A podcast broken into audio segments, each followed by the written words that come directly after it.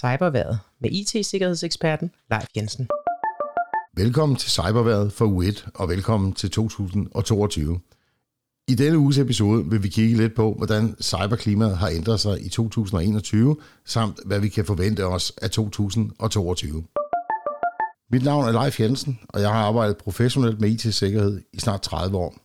Min viden og erfaring, dem vil jeg meget gerne bruge til at holde dig opdateret om aktuelle hackerangreb, cybertrusler, online-svindel og andet, der vedrører stort set os alle sammen, både privat og ude i virksomhederne. I 2021 har der været rigtig mange alvorlige sikkerhedshændelser, både hos virksomheder og offentlige myndigheder. I Danmark har vi rigtig travlt med at digitalisere vores samfund. Faktisk er vi et af de mest digitaliserede lande i verden, men i begejstringen for at lancere nye digitale services, så glemmer vi desværre ofte sikkerheden, og det går ud over både borgere og virksomheder.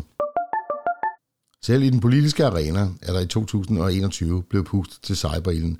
I sommer skærpede den amerikanske præsident Joe Biden tonen over for Rusland i jagten på en russisk hackergruppe, og retorikken mindede mest af alt om det, vi måske husker fra den kolde krig.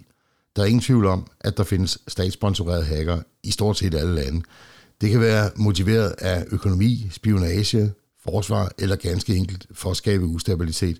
Faktum er dog, at langt det meste af det, vi ser, når det gælder cyberangreb, er drevet af helt almindelige kriminelle grupper, som udelukkende er interesseret i penge og ikke har forbindelser til den nation, de nu bor i. Det skaber desværre ofte ret alvorlige misforståelser. Hvis en hackergruppe spores eksempelvis til en IP-adresse i Rusland, er man så blevet hacket af nationen Rusland, eller en hacker, som bor i Rusland.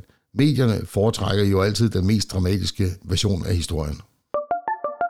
De to største ændringer i de IT-kriminelles strategi, som vi har set i år 2021, er Ransomware-forretningsmodellen den virker rigtig godt og er blevet målrettet mod virksomheder, hvor man vurderer, at de er villige til at betale løsesummen.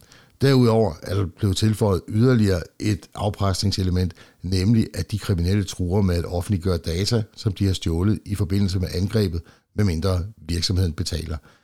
Vi ser ikke så mange angreb med ransomware imod private længere, ganske enkelt fordi de IT-kriminelle har lært, at de private forbrugere ikke har lyst til at betale.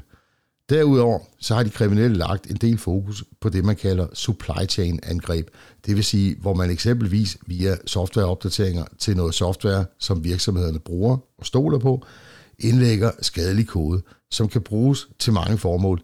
Lige fra at installere almindelig ransomware til datatyveri og installation af en bagdør, som de kriminelle kan bruge på et senere tidspunkt – i 2021 så vi blandt andet et sådan angreb udført succesfuldt mod Microsofts mailserver software, som hedder Exchange. Og her ved årets afslutning er de IT-kriminelle i fuld gang med at udnytte en nylig opdaget sårbarhed, som går under navnet Log4Shell. Selvom vi almindelige private forbrugere måske kan glæde os over, at der ikke er så meget risiko for at blive udsat for et ransomware-angreb, så skal vi stadig holde paraderne op. For de IT-kriminelle de har øget fokus på phishing-angreb og andre svindelnumre, ofte med det formål at fiske enten kreditkort eller logge ind informationer ud af os. Her på Cyberværet giver vi en frisk oversigt over, hver uge over, hvad du bør være særlig opmærksom på. Desuden kan jeg varmt anbefale dig at bruge den app, som Forbrugerrådet Tænk driver.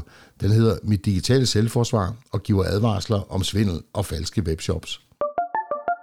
Hvad kan vi så forvente os her i 2022? Over for virksomheder, der har de IT-kriminelle fået tilpasset deres forretningsmodel, så vi kommer til at se mange flere ransomware-angreb i 2022, og man vil med stor sandsynlighed også forsøge at rette disse angreb mod det, vi kalder kritisk infrastruktur, som eksempelvis el, vand og varmeforsyning, samt sundhedssektoren og offentlig transport. Overfor os private forbrugere arbejder de IT-kriminelle stadig på at justere deres forretningsmodel, så de kan tjene lidt penge på os.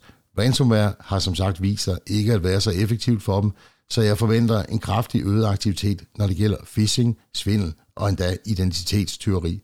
Så sørg nu for at være godt beskyttet og hold dig opdateret, samt have en smule sund skepsis, når det gælder internettet. Regelmæssig backup af din computer og mobiltelefon, et godt antivirus eller sikkerhedsprogram, samt naturligvis gode, stærke passwords.